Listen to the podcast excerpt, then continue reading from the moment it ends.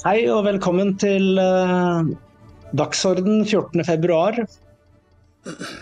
Nå er det vel eh, to stykker i studio her som burde holdt på med, med noe annet i dag, siden det tross alt er uh, Valentine's Day. Men uh, vi bryr oss ikke så mye om sånne amerikanske rutiner. For i dag har jeg med meg vår klimaekspert Kent Andersen, så jeg vil starte med å ønske han velkommen. Takk for det. takk for det. Nå, da er vi tilbake igjen på en onsdag. Ja, masse Ja, onsdag har jo blitt litt sånn Det har jo blitt klimadagen for dokumentet, og da må jo du stille opp. Ja, eh, vi skal snakke om klima og... i dag òg, selvfølgelig. Ja, det skal vi. Med klima og energi. Det er det som er temaet i dag òg. Ja. Klima og energi henger jo tett sammen. Og da starter vi med disse, disse Klimaprosjektene de har jo en uh, veldig vanlig tendens til å kreve sta litt statlig drahjelp i begynnelsen, Kent. Og hvorfor i all verden trenger man det når grønn industri skal redde verden? Nei, det kan du lure på. Det skal jo bli mer lønnsomt enn Dette er jo garantert mer lønnsomt enn den store oljen. Dette blir, dette blir garantert lønnsomt og den nye oljen og alt blir bra. Men pussig nok så trenger man altså risikoavlastning hele tiden for å bygge disse batterifabrikkene. Og eh, det er jo fire aktører som holder på med batterifabrikker i, i, i Norge, hvorav uh, Freyr ser ut som har satt takt for seg i, i Mo i Rana, men nå er det altså Morrow i Arendal som skal uh, gjøre det stort. Og det Det Ja, jeg har mine tvil, for å si det sånn. Fordi eh, altså, du kan si alle disse batterifabrikkene eh, de følger egentlig en slags modus operandi. Og det er at eh, man Politikerne de bestiller da batterifabrikker. Så dukker det da opp aktører som sier ja, da skal vi bygge bare batterifabrikk, men vi trenger da selvfølgelig milliarder i støtte, og millioner og millioner, uh, for å gjøre det. Og så går da staten inn i disse aksjeselskapene som er oppretta rundt 19, altså 2020. Det er ganske nye aksjeselskaper. Så går da staten inn med garantier og lånegarantier og støtte fra Enova og alt dette her, sånn, og så får man da selvfølgelig aksjeverdier, fordi da ligger det jo et aksjeverdi i et verdiløst selskap som aldri produsert noe. Og når man da starter disse aksjeverdiene og begynner å gå oppover, så begynner jo selvfølgelig da private investorer å bli interessert, fordi her ser vi at det er faktisk fremgang, her blir det penger, her kommer det penger, her skjer det ting. Og så driver man da selvfølgelig og lager massevis av PR og, og nettsider og avisartikler og, og hurra meg rundt som sier at nå blir dette en kjempesuksess. Og så snakker man med lokalpolitikere og lover dem selvfølgelig 2500 arbeidsplasser, eller 3000. Eh, og, så, bare baller dette på seg. ikke sant? Men problemet er at det blir ikke noe batterier av det. Det gjør det ikke. Men det blir veldig mye aksjeverdier, og så blir det mange ansatte, og så blir det store bonuser, og så blir det utbetalinger, og så blir det opsjoner, og så blir det ditt, og så blir det datt. Men det vi ser, det er jo en tendens til at når det kommer til liksom å lage prøveprosjekter og bygge fabrikker, så begynner man jo med det. Men når det kommer liksom til Når man begynner å liksom komme dit hvor folk begynner å spørre ja, hvor blir det av batteriene, da reiser man til utlandet. Da, da, forsvinner man til utlandet og ber om mer subsidier der, eller man, man sier at nei, det er nye forutsetninger, man klarer ikke. Og, så, og, rett før det så har selvfølgelig alle solgt aksjene sine, sånn at man tjener litt penger. Og så, og så blir det liksom ikke noe av. og det er som sagt fire batteriprosjekter som pågår i Norge, eh, og, og Morrow er en av dem i Arendal. Og de har jo også da sagt at nå skal det bli virkelig greie på. Eh, men ja, som sagt, foreløpig antall solgte batterier til markedet, det er altså null. Og det man må spørre om, det er, jo, det er jo utgangspunktet for dette politiske bestillingsverket. Fordi altså, det, er det, er jo ikke, markedet som har bestemt at man kan lage batterier i Norge, det er da altså politikerne som har bestemt at dette skal vi være med på. Og det er ingen i denne bransjen som egentlig kan forklare. Eh, vi snakka jo med Freyrs ledelse allerede i 2020 og ba dem forklare hvordan i all verden Norge skal klare å konkurrere mot eh, fra scratch, fra null, mot da, altså, asiatiske batterieksperter som har drevet utvikla batterier i 30 år. Eh, og har all know-how, de har all kunnskapen, de har alle råvarene, de har, de har alle kundene, de har hele, hele, verdikjeden. Og så skal altså Norge starte fra null, og så skal vi utkonkurrere altså asiatiske batterieksperter og lage noe batteri. Endelig skal vise dem nå skal vi lage de beste batteriene og bedre batterier enn alle de andre. Og du vet, dette er eventyr. Det er, det er, helt, det er rett og slett bare eventyr. Det er, det er politisk bestillingsverk. Og det, jeg leste, ja, jeg leste noe tidligere i dag, jeg husker ikke om det var i Finansavisen eller hvor det var, at det var en eh, sånn amerikansk eh, økonom som hadde uttalt det at hvis ikke du har konkurransefordeler, så bør du holde deg unna konkurransen. Og Da kommer jeg til å tenke på boksing. Altså Hvis du er 50 kg tung, så melder du deg ikke inn i tungvektsklassen, ikke sant?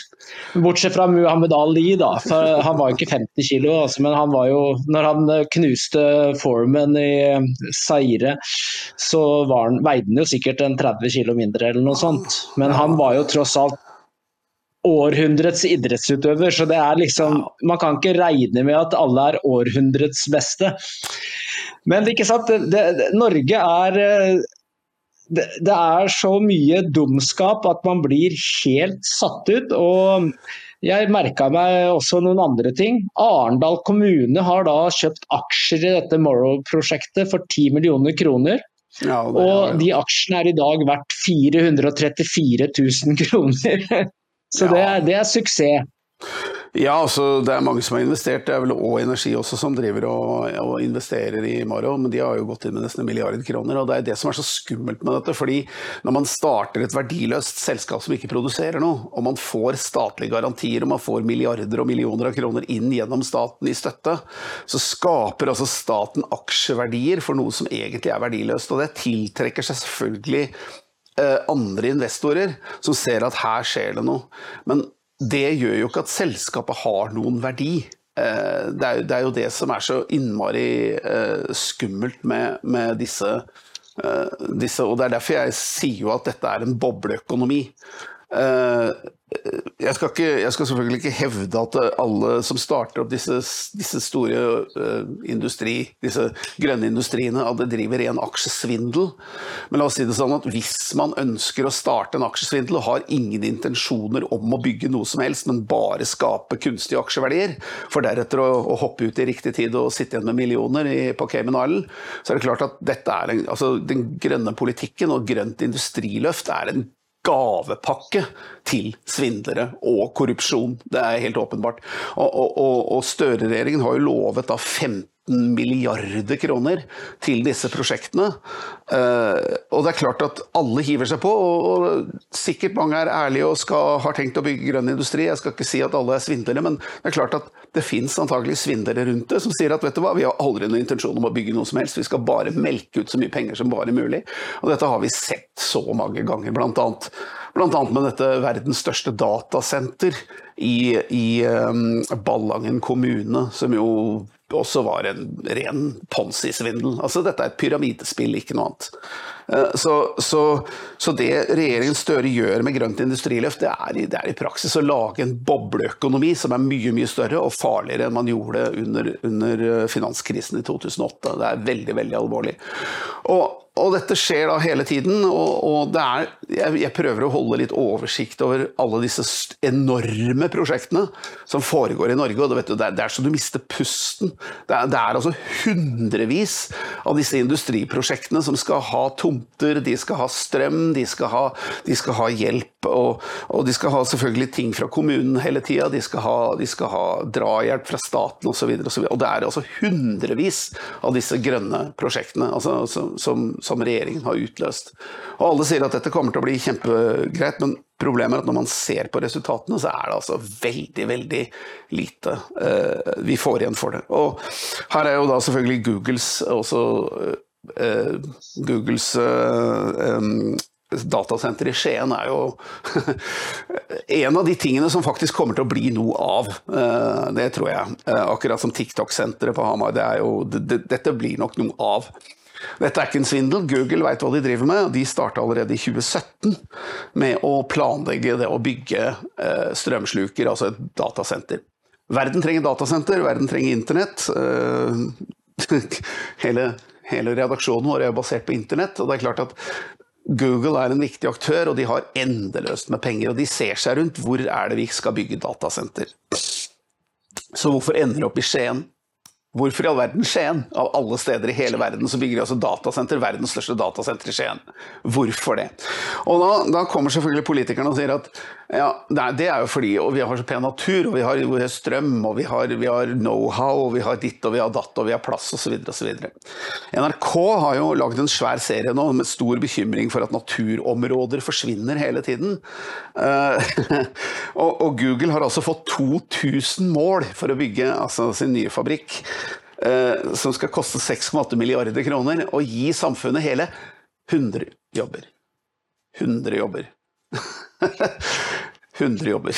Men ikke bare det, de skal jo bruke det er jo beregna at eh, når det, når det er fullutbygd, så vil de bruke 7% av norsk eh, strømproduksjon, eller noe sånt? Ja, det er ja, altså, korrekt. Et, et, sted mellom altså, altså, Man vet jo ikke helt, for tallene svinger litt her. Altså, man sier at de har nå fått tilegna 240 megawatt av strøm. Eh, det har de allerede fått tilsagn fra, fra, fra, staten. Eh, de ønsker seg 860 megawatt kapasitet, og suger 860 megawatt hele tiden. Noe som da tilsvarer oppimot 7 terawattimer årlig. årlig. Uh, og Stor-Oslo, altså hele Stor, ikke bare Oslo, men hele Stor-Oslo, bruker altså 18 terawatt-timer årlig, som er omtrent 15% av det norske strømforbruket. Uh, og her kommer da altså en liten fabrikk i Skien som skal bruke altså Altså 7 terawattimer, som er altså 5 eller 6% av den norske strømforsyningen. Og igjen, hvorfor gjør Google dette? Altså, Politikerne snakker om grønne verdier og de snakker om grønt og bredt. Altså, Google driter i det. Google er businessfolk, det er de smarteste folka i rommet. De kan kalkulere, de kan regne. Og det de gjorde i 2017, det var at de inngikk altså en PPA-avtale med Telnes vindkraftverk i 2017. Okay, det var før de egentlig fikk noe tomt eller bestemte seg noe, men de bestemte seg for at vi skal ha strøm. Og hva er en PPA-avtale? En PPA-avtale står for Power Purchase Agreement. Den er tolvårig. Den pleier å være, kan være opp mot 30 år, disse avtalene, men det er altså en tolvårig avtale Google har sikret seg for å sikre seg strøm til antageligvis rundt 30 øre kilowatten. Okay? Og dette har de gjort med Telnes vindkraftverk. Dette føyer seg nemlig i at når Google bygger en fabrikk, eh, så er det de fleste politikere, sånn som vi har gjort også her i Norge, det er at hvis du skal bruke en fabrikk som bruker strøm, så må du bygge et kraftverk. Ellers så kommer selvfølgelig samfunnet til å være skadelidende. Det sier seg sjøl. Eh, fordi da, vi trenger mer kraft, og da må selvfølgelig de som bygger fabrikken de må bygge kraftverk. Sånn har det vært med Hydro, sånn har det vært med Yara, sånn har det vært med store industriutbygginger i Norge i 100 år.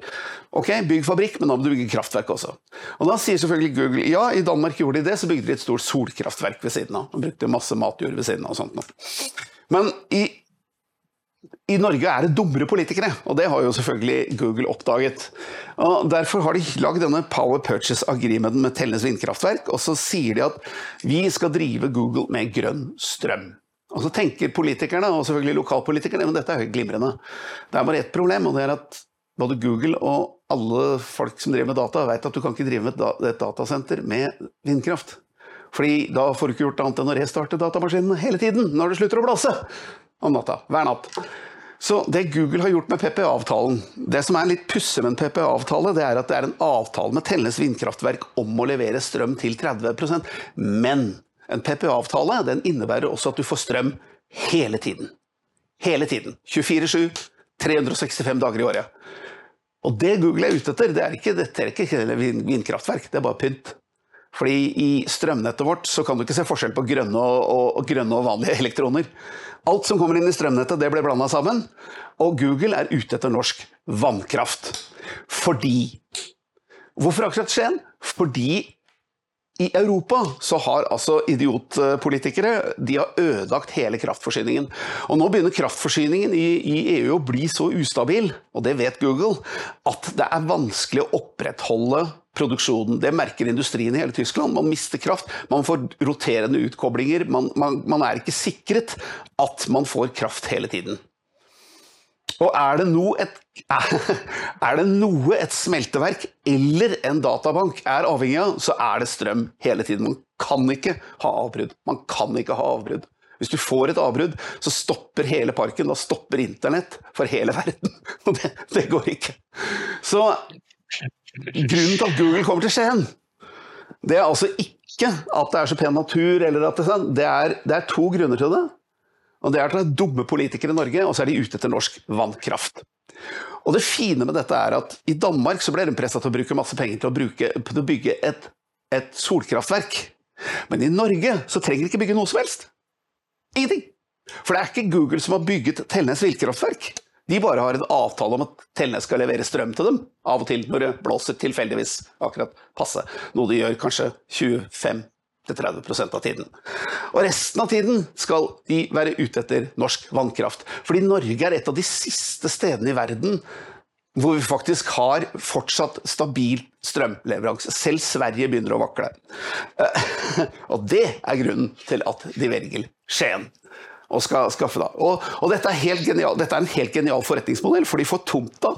De får strømmen billig vannkrafta billig, fordi norsk privatpersoner kan ikke få en sånn PPA-avtale. Du må betale krone eller to. Og så går selvfølgelig strømprisene opp i Norge.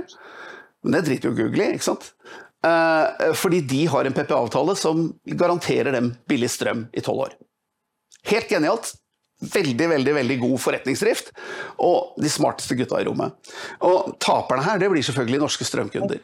Fordi Fordi uh, for, vi, for vi, vi, er jo de som finansierer hele opplegget. Finansiere. Vi finansierte bygginga av det der eh, vindkraften. Vi skal sponse Google. Vi skal ja. sponse ja. Google! Er det ja. mulig? ikke sant? Ja, da, Det er helt utrolig, det er helt, egentlig. Men... Helt genial forretningsplan. Og så sier selvfølgelig det Og så forstår selvfølgelig Google at jo, selvfølgelig, nå, nå suger vi da 6% eller 5% av den norske krafta. Okay? Da får du kraftunderskudd i Norge. Det skjønner alle. Og det innrømmer også myndighetene. Men myndighetene vil løse det ved å bygge mer havvind. Okay? Og det er ikke Google som skal bygge den havvinden. Det er det du som skal gjøre, gjennom altså dette nettleiet. Sånn at um, Problemet er selvfølgelig at du kan bygge selvfølgelig én havvindmølle, du kan bygge en million, men når det slutter å blåse, så slutter alle å blåse. Så slutter alle å virke. Og da får du ikke noe strøm. Så du trenger backup-kraftverk. Backup og norske kraftverk fungerer nå som backup-kraftverk for vindkraften i større og større grad. Og jo flere vindmøller du bygger, desto større og større blir behovet for backup-kraftverk. Det er bare ett lite problem. De backup-kraftverkene skal ikke bygges. Fordi Norge skal ikke bygge flere vannkraftverk. Vi skal ikke bygge gasskraftverk, skal ikke bygge atomkraftverk, skal ikke bygge, skal bygge kullkraftverk. Så hvordan løser du det? Vel, det driter jo Google i. De har en avtale, de, få, de, skal få den strømmen de vil. Og samfunnsproblemene dette skaper, det er ikke deres problem, det er det politikernes problem. Sånn at jo flere vindkraftverk du bygger, desto større og større kraftmangel eh, får du. Og dette, Grunnen til dette er selvfølgelig at vindkraftverkene, altså vindbaronene og den, den svindelgjengen der sånn, de har rett og slett jeg kan ikke forstå noe annet enn de har kjøpt seg inn i politikerne og sier at vet du hva, vi skal bare bygge vindkraft og solkraft, skal ikke bygge noe annet enn fornybart. Og det er det vi skal bygge. Er, og, og, de skjønner nemlig at hvis du bygger backup-kraftverk, okay, hvis du bygger en svær, svær, svær vindpark, så trenger du backup-kraft til Google.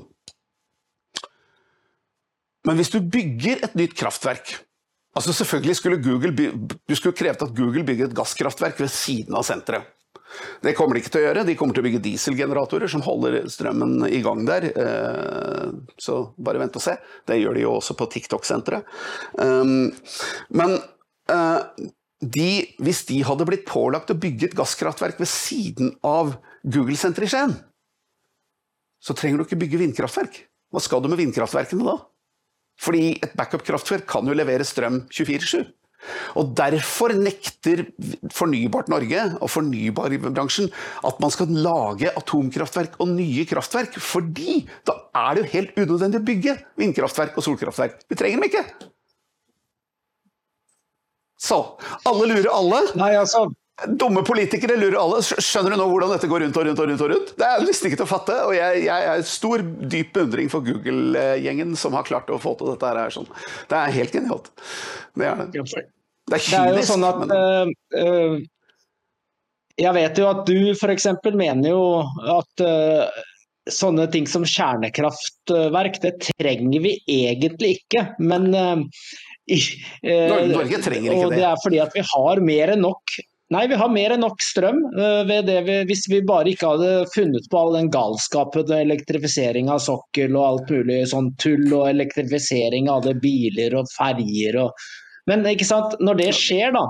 Så hvis det skjer, så er iallfall atomkraftverk en bedre måte å løse uh, dette på enn å bygge havvind som ikke fungerer. For det, det, det, det er vi vel enig i, Kent? Nei. Det er ikke det. Fordi, uh, altså Jeg hører det at det blir stadig flere som snakker om atomkraftverk i Norge. Og jo da, atomkraftverk er ikke fint. Det er bare to problemer med det. A. Vi trenger det ikke. B. Vi har ikke uran. Uh, og enten du bygger hva slags, Uansett hva slags, uh, hva slags kraftverk du trenger, så, så, trenger du altså uran, og det har vi ikke. Det vi har, er gass. Hvorfor i all verden bygger vi ikke gasskraftverk? Tyskland bygger gasskraftverk, og så kan ikke vi bygge gasskraftverk? Altså, vi har gass! Og vi har vannkraft. Og så skal vi begynne å bygge atomkraftverk, for vi har ikke uran. Hvorfor i, hvorfor i huleste skal vi gjøre det? Tyskland bygger gasskraftverk. Det er billigere, det er raskere, det er mye, mye mer effektivt. Og vi slipper også da selvfølgelig atomavfall. Men vi lever altså i en tid hvor politikerne mener, og folk begynner å mene, at atomavfall det er ikke fullt så farlig som plantenæring CO2. CO2 og plantenæring det er mye farligere enn atomavfall.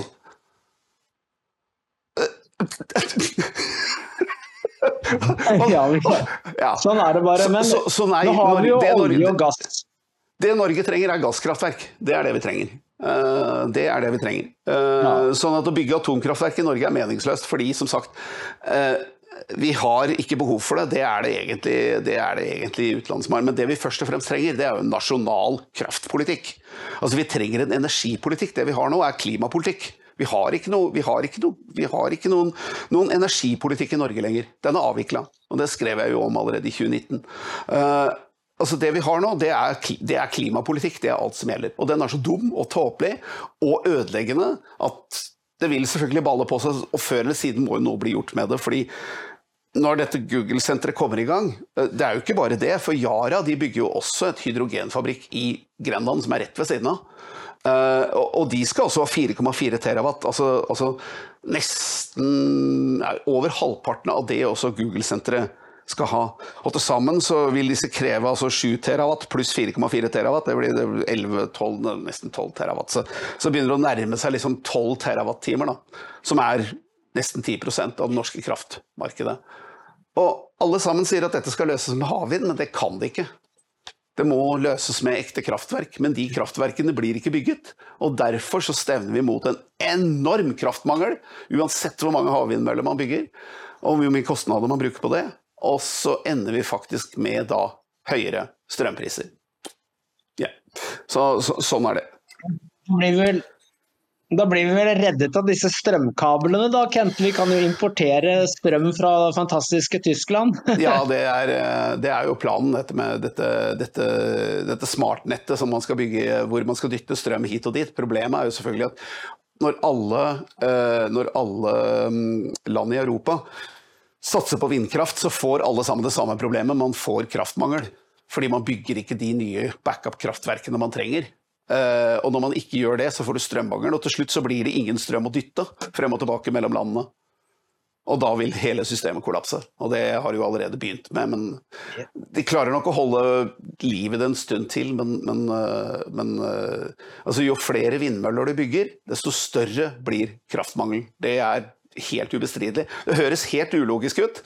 Og det er klart at Støre har åpenbart ikke IQ nok til å forstå det, eller han ikke vil forstå det, men det er et faktum. Jo mer vindkraft og fornybart du bygger, desto større blir kraftmangelen.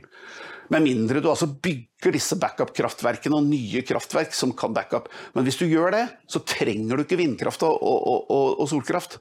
Fordi backup-kraftverkene kan levere strøm hele tiden. Sånn at hele planen er totalt meningsløs. Det, det gir ingen mening. Yes. Vi skal uh, gå videre, men før det så skal vi se en liten reklamefilm. Hei! Vi i Dokument er glade for at du Leser oss hver dag. Lytter til Dokumentradio. Og ser på Dokk TV. Redaksjonen produserer døgnet rundt. Og trenger både abonnement og donasjoner. Dokument er unikt i Norge. Vi er det eneste virkelig konservative mediehuset. Støtt oss på VIPS nummer 638941. Det Kent sa. VIPS nummer 63 89 41. 63 89 41. Eller bli abonnent.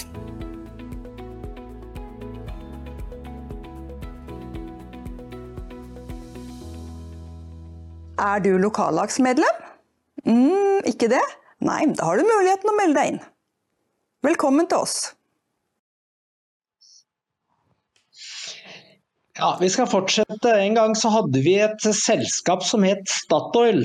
Statoil, ja. ja. Det ble startet, det var vel det var vel Arve Johnsen som starta det med en eh, liten pappeske med noen papirer oppi. Altså, ja. Han ble utnevnt som første administrerende direktør. Det var en, det var en sigarkasse. Og så bygde det var en sigarkasse, og søsteren min jobba faktisk for De het faktisk Norol først, eh, så vidt jeg husker. Og så ble det hetende Statoil etter hvert.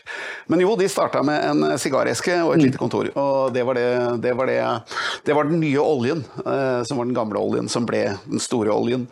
Eh, og det var et morsomt eventyr. Men så kom selvfølgelig det grønne skiftet.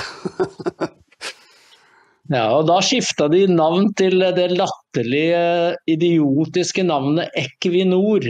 Norsk hest? De, de, brukte vel et par hundre millioner på de brukte vel et par hundre millioner på å skifte navn og alle logoene og alt mulig sånn. Og Equinor er jo blitt en helt annen historie. Og nå er det nå har de altså stupt uh, på børsen uh, i det siste, og det er snakk om et tap. Hvor mye var det? 70 milliarder kroner som bare er liksom fordufta? Ja. 70 milliarder kroner! bare på etter at han Opedal uh, tok over. Da. Han jo, ble jo ansatt fordi han var så motivert med grønt skifte og, klimahysteri osv. Ja, det var i og han skal satse på fornybart. Ja, det var i 2020. Ja, Han ble ansatt i 2020. Ja, det var det. Uh, altså, han burde jo på en måte altså Det snåle med dette her, uh, det snåle er jo bakgrunnen, og det er jo at den store utbyggingen av vindkraft i Norge Eh, den skjøt jo fart først og fremst i 2016-2017. Og det var i 2017 at den, altså de fleste mennesker i Norge som er veldig glad i naturen, plutselig oppdager oi, det er en en bulldoser på toppen av fjellet. Hvorfor er det en bulldoser der? Nei, her skal det bygges vindpark. Eh, og, og, da vokste jo selvfølgelig den norske, den norske folkesjela. Det tar litt tid å komme i gang, men eh, da vokste jo selvfølgelig raseriet og motstanden. fordi plutselig fant nordmenn ut at det, oi, det skal bygges vindkraft over hele Norge. Eh, og i, i, norsk natur. Eh, det, var litt, det var litt trege, fordi dette var klart allerede 20 år tidligere. Eh, eller i hvert fall 10 år tidligere. Den første vindkraften kom til Norge i 1998 på øya Frøya. Eh, og har blitt testa ut. Og det er jo helt idiotisk, fordi Norge som sagt er en vannkraftland og trenger ikke vindkraft. Ingen land trenger vindkraft, fordi vindkraft kan ikke holde et samfunn i gang. Men eh, det, det var altså mange tegn i tiden, men, men eh, du vet sånne statlige prosjekter og sånne store prosjekter som dette, det blir holdt. Det foregår i de lukkede korridorer og de lange korridorer, og, folk skal være usedvanlig opptatt av av hva skal vi si, statlige papirer for å finne ut hva som foregår. Kurt Oddekalv vi har jo hatt ham på besøk. Han var jo en av de som var kraftig mot vindkraft allerede 15-20 år siden. Eh, og sa at dette ville være en katastrofe for Norge, og advarte veldig tydelig gjennom sin, eh, sin, eh, sin miljøorganisasjon. Men det hjalp ingenting, fordi selvfølgelig her var det veldig sterke kapitalkrefter i gang, som har jo holdt på å svindle land i jeg, kaller det sånn omreisende snake oil-sirkus. Som reiser fra land til land og forgifter politikere med å tro at nå skal de få billig strøm. Uh, og den motstanden vokste jo da til så kraftig i 2019 at Erna Solberg sa ålreit, greit, vi må ta en pause, vi setter alle konsesjoner på hold. Og da ble det stopp. Og det rare er at da burde jo Equinor egentlig sett tegn i tida. Nordmenn vil ikke ha vindkraft. Dette her kommer det til å bli mye bråk om. Og da begynte også tallene altså I 2019 så begynte også eh, regnskapstallene til mange av disse vindkraftverkene å bli ganske tydelige. At dette her, dette blir ikke den nye oljen. Eh, fordi, som jeg pleier å si, vindkraftverk de settes ikke opp for å høste vind og produsere strøm. Det gjør de ikke. For de som måtte tro det. Vindkraftverk de settes opp for å høste subsidier og produsere profitt en kort tid. Eh, det er det som skjer. Eh, og eh, da burde Equinor på en måte sett tegn i tida og sagt at dette grønne skiftet, mm, her er det på tide å være litt forsiktig. Isteden skjedde det stikk motsatte. Og det skulle gjerne vært flue på veggen i det styrerommet. Fordi eh, Hva tenkte de på? altså, I styrerom der sitter på slike selskaper Jeg har stor respekt for folk som sitter i styret på store selskaper. De pleier å være gode med kalkulator. De pleier å ha en regnemaskin og, og, og komme til at to pluss to er ikke tre, og det er heller ikke ni. Så de pleier liksom å være flinke på matematikk og flinke på å De pleier ikke å bli grepet av, hva skal vi si, politiske finesser og fanfarer og, og, tvangstanker. Og så finne ut at nei, nå skal vi innrette hele forretningsdriften vår etter politiske feberfantasier og fantasifostre. Det, det, er ikke noen god måte å drive business på. Noe som leder oss til faktisk til Toyota litt senere i dag. Uh, og, men det gjorde de. De fant ut at oi, ja, men politikerne de, så, de, så, de, så, de har så tro på dette at da har vi tro på det også. Jeg tror personlig at det som har skjedd, det er at Equinor-ledelsen uh, Dette har jeg ikke noen garanti for, men la oss si det sånn, det kan ha skjedd. Det er at Equinor-ledelsen satte seg ned uh, og fant ut at ålreit, vi, vi driver med olje og gass, og vi betaler ekstreme mengder med skatt til staten. Og En måte å få de tilbake på, det er at vi begynner med vindkraft i stor stil, som vi ikke kan noe om, det har vi aldri drevet med. Uh, og så høster vi noe av disse, disse skatteutgiftene våre tilbake inn i selskapet gjennom subsidier, og så hopper vi av når vi har tid. det, det, kan være noe som har ligget bak der, fordi dette er jo en hype. Og så, og så er det selvfølgelig, altså Dette er jo internasjonalt også. Equinor ser jo ikke bare på Norge, de ser på andre stater rundt om i verden uh, som også er villige til å betale dem penger for å begynne med vindkraft. De, de får skattefordeler. De får, eh, de får eh, eh, hva skal vi si, spesialbehandling innenfor økonomi. De får, de får subsidier, de får lånegarantier fra regjeringer rundt omkring. Og de får også selvfølgelig støtte fra, for å drive bistand for å bygge, bygge kraftverk i utlandet. Sånn at jeg tror de har sett på dette her, her, som at nå sitter pengene løst i staten. Det er mye penger å hente inn. La oss utnytte det, og la oss gjøre det. Og så selvfølgelig så har det vært en sånn eh, hva skal vi si, uh, pyntepolitikk, hvor man kan pynte seg og si at nå driver vi ikke bare med olje, nå driver vi med grønt, og vi driver med energi. Er, og, så blir det rett og slett en PR-kampanje. Det er som å sminke grisen, er det ikke det? Ja, selvfølgelig er det det, men altså, det er jo det de fleste selskaper driver med. De, de, forteller jo ikke sannheten, de forteller jo det de vil at folk skal tro. Uh, forteller du sannheten, så, så, kan det gå konkurs, eller det kan gå utover aksjeverdiene. og Det er klart at det er én ting styret i Equinor bare tenker på, og det er aksjeverdiene. Nå, altså, nå, ser vi da at dette går jo nedover, og, og det er klart at uh, det opprører selvfølgelig eierne i Equinor. Eh, når, når eh, kursen går ned 7% pga. feilsatsinger, så vil noe bli gjort. For Equinor er ikke et departement, det er ikke styrt politisk, det er styrt av penger. Og av aksjeeiere, hvorav staten er en av dem. Så jeg tror nok noe vil bli gjort der sånn med den grønne satsinga. Så, så, som før eller siden uansett vil jo før eller siden altså Dette er jo en bobleøkonomi skapt av staten. Bare for å si det.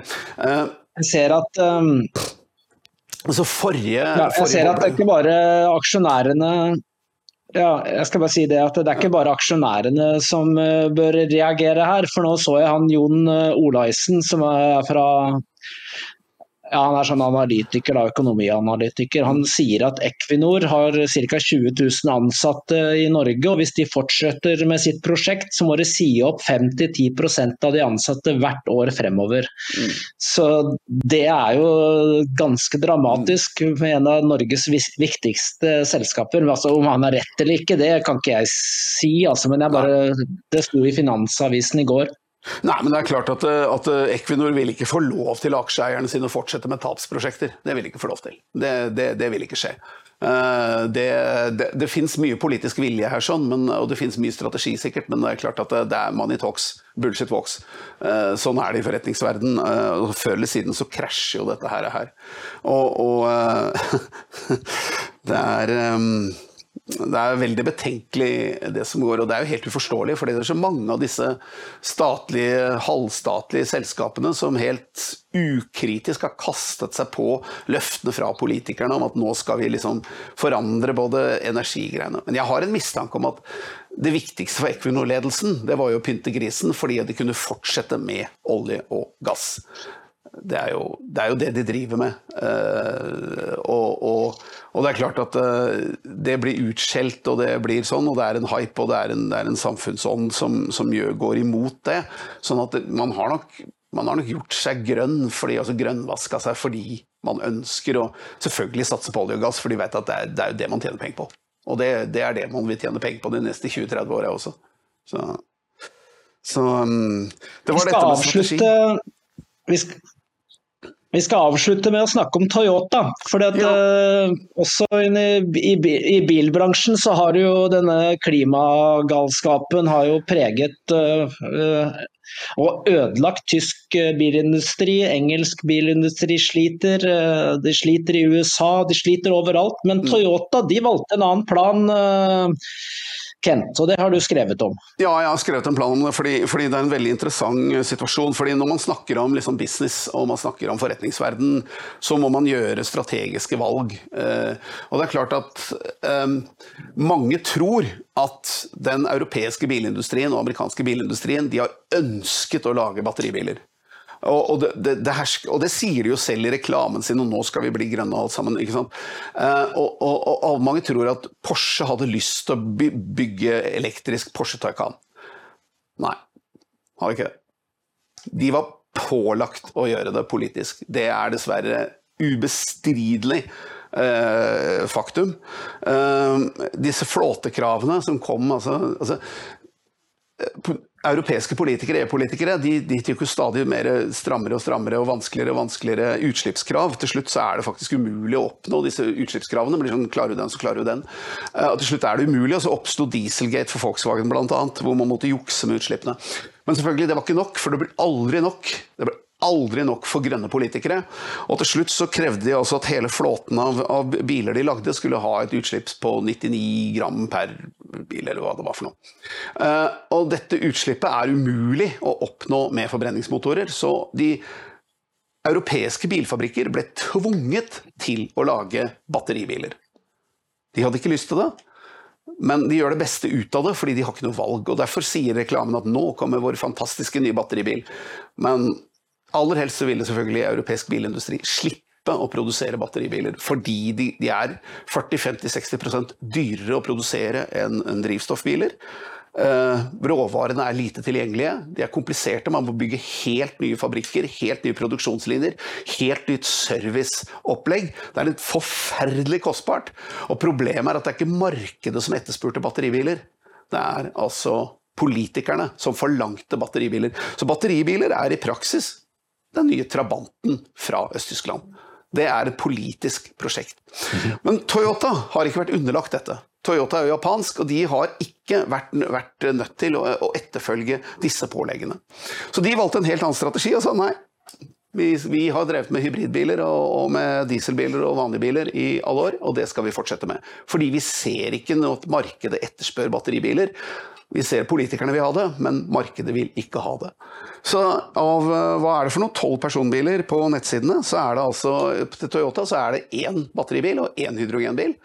Og resten er altså hybridbiler. Så kjøp Toyota.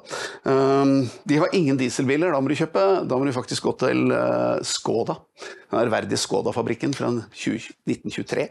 Skoda er et veldig gammelt ærverdig merke. De hadde en liten europeisk, en østeuropeisk periode der hvor de ikke lagde så bra biler.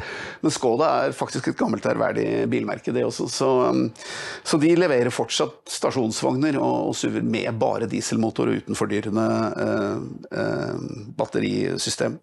Sånn at Mens Toyota da hadde styrka aksjene sine med 51 så sank altså Ford med 10% og det er klart at eh, Ford, da, når de har regna ut at de solgte batteribiler, så selger de altså hver batteribil med 47 000 dollar i tap per bil. Og det er klart at det kan ingen, det kan ingen fabrikk leve med. Altså, Bilfabrikker lever av tilbud og etterspørsel, og hvis etterspørselen ikke fins, så hjelper det ikke å gi folk tilbudet. Det, det, det, du kan ikke tvinge folk til å kjøpe. Så I Norge skal man jo selvfølgelig gjøre det. Man skal prøve å gjøre det forbudt å, å kjøre drivstoffbil, eh, kjøpe ny drivstoffbil.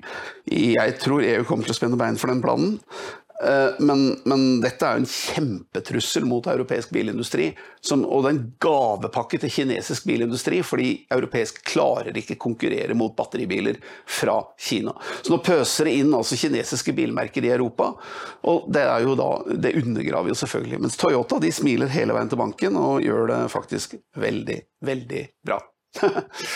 Så um, strategi, ja bruke kalkulatoren istedenfor å bruke ja, det... grønne samvittigheter. Det, ja. Det som er problemet, Kente, er jo det at selv om de, selv om de eh, kommer til å snu i prosjektet, så har de allerede på mange måter ødelagt bilindustrien ved å sette dem i dvale i så mange år. Det er det jeg frykter, da, for å ja, ja, altså, si det altså, slik. Altså, Europeiske politikere, altså EU-politikere kommer ikke til å snu.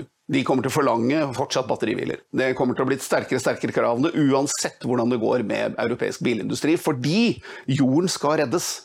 Okay? Og Det er jo tross alt viktigere å redde kloden enn å redde europeisk bilindustri. Og Det er selvfølgelig en gavepakke til Kina og det er en gavepakke til utenlandske bilindustrier som ikke trenger å gjøre dette. Fordi, som sagt eh, Jeg, jeg, jeg så en morsom anomali her. En morsom, Vi skal avslutte med en liten sånn historie. Tenk deg, tenk deg en situasjon hvor forbrenningsmotoren ikke var oppfunnet. Eh, og alle biler gikk på batteri. Og ingen hadde noen gang hørt om et batteri eh, Ingen hadde hørt om en, om, en, om en, forbrenningsmotor. Vi lever da i en verden hvor bare alle kjører med batteribiler, som er i dag. Og så kommer da altså et bilmerke ut og sier at vi har funnet opp en bil som, har, som kan lades på tre minutter. Den har 1000 km rekkevidde. Uansett hvor kaldt eller varmt det er i været. Du kan få det varmt i kupeen uansett. Eh, den, har, den veier 500-1000 kg mindre enn vanlige biler. Sliter dekk langt mindre. Har et langt lavere verditap og kanskje lengre livslengde på nesten 18 år. Tenk deg at noen hadde kommet ut med dette.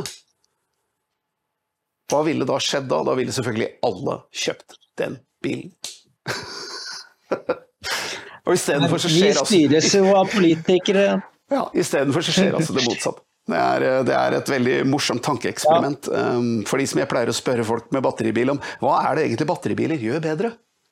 Og da svarer de ja, den går fra 0 til 100 på tre sekunder. Jeg ja, det er jo jævla nyttig i hverdagen. Uh, hva er det den gjør bedre? Ja, nei, den, den er jo fin. Er, den, den, den, er billigere. Nei, ikke med verditapet du har. Den er faktisk mye mye dyrere. Og forsikring. Hva er det den gjør bedre? Altså, det, det, jeg sier at En bil er bil. Det er en metallkloss, den har fire hjul og den tar deg fra A til B. Det er det biler gjør. Uh, og Batteribiler gjør ingenting bedre enn noen andre biler. Det, det, det fungerer glimrende til sitt bruk. Men hvis du har virkelig behov for en dieselbil eller en bensinbil, ja, så trenger du det. Du kan ikke lage én bil som passer alle. Det er østeuropeisk politikk, det er Øst-Tyskland-politikk, det er Trabant. Én bil passer alle. Det går ikke an å holde på på denne måten. Man kan ikke lage et moderne samfunn på denne måten. Nei, Det som jeg eh, assosierte med når eh, du fortalte den siste avslutningen, det var at eh, det føles som vi ledes av en gjeng med politikere som løper rundt og synger 'We are the world, we are the children'. Ja, altså, altså, det, er bare sånn, det er bare sånn enorm naivitet. Ja, Det er en enorm kunnskapsløshet det er jo, og enorm naivitet. Altså, altså, grunnen til dette det er jo at europeiske politikere og norske politikere de kan ingenting. De kan ingenting. Dette er politiske broilere. De har aldri hatt en jobb. De kan ingenting om realfag. Det har norsk skole sørget for. Altså de, dette er mennesker. De kan ikke forklare hvordan en brødriste fra 1950 fungerer. Men de skal altså lage det, det, et moderne, nytt og fremtidens energisystem. Det føler de seg fullstendig kompetente til. Og det sier lite grann Altså, de kan ikke bytte en lyspære, men å lage et nytt, nytt uh, strømsystem ja, det klarer de, klarer de, det føler de seg kompetente til. Og den hybrisen og den, den, manglende selvinnsikten som ligger der, den er altså så truende for samfunnet vårt at du aner ikke. Det er helt forferdelig. Ja, Vi får uh, avslutte med det siste ordet der. og for uh, Hvis det er noen som ikke forstår ordet hybris, så kan det vel oversettes til overmot. da. En overdreven overdreven tro på seg selv. Ja. Det, dette her er en eh, ting som eh, jeg har forstått det slik at du kommer til å delta stort sett hver onsdag fremover, Kent. Iallfall når du kan. Ja, jeg prøver det. Stemmer det? Ja da, prøver det. Ja. Så vi skal, følge, vi skal, følge, klimasaken, og det har vi jo, nå er det jo hovedsakelig Kent da, som har stått for mesteparten av eh, klimasakene våre på dokument, men det er jo også noen av oss andre som toucher innom, innom i ny og ne. Ja, og det er fordi at det har stor betydning. Jeg har skrevet om klima nå siden jeg begynte i Dokument i 2016. Og, og, men altså, det er jo ikke bare klima. fordi Klima henger sammen med energipolitikk. Og energi henger sammen med hvordan samfunnet er drevet, og det henger sammen med økonomi. Sånn at klimapolitikken, økonomipolitikken og, og, og energipolitikken det henger altså så tett sammen at du kan ikke skille dem fra hverandre. Det prøver politikerne å oppheve, den tyngdekraften. For de sier at klimapolitikk det skal skape en helt ny type økonomi, en sirkulær økonomi osv. Og, så og dette er altså fantasifostre. Dette er livsfarlige drømmer om utopia som man da er styrt etter, og det kommer altså ikke til å fungere. Nettopp. Og det med økonomi er jeg selv uh, veldig opptatt av. Jeg har jo litt økonomisk utdannelse og har fulgt økonomi uh, som makroøkonomi, da, sosialøkonomi, siden jeg var omtrent 14-15 år. Mm.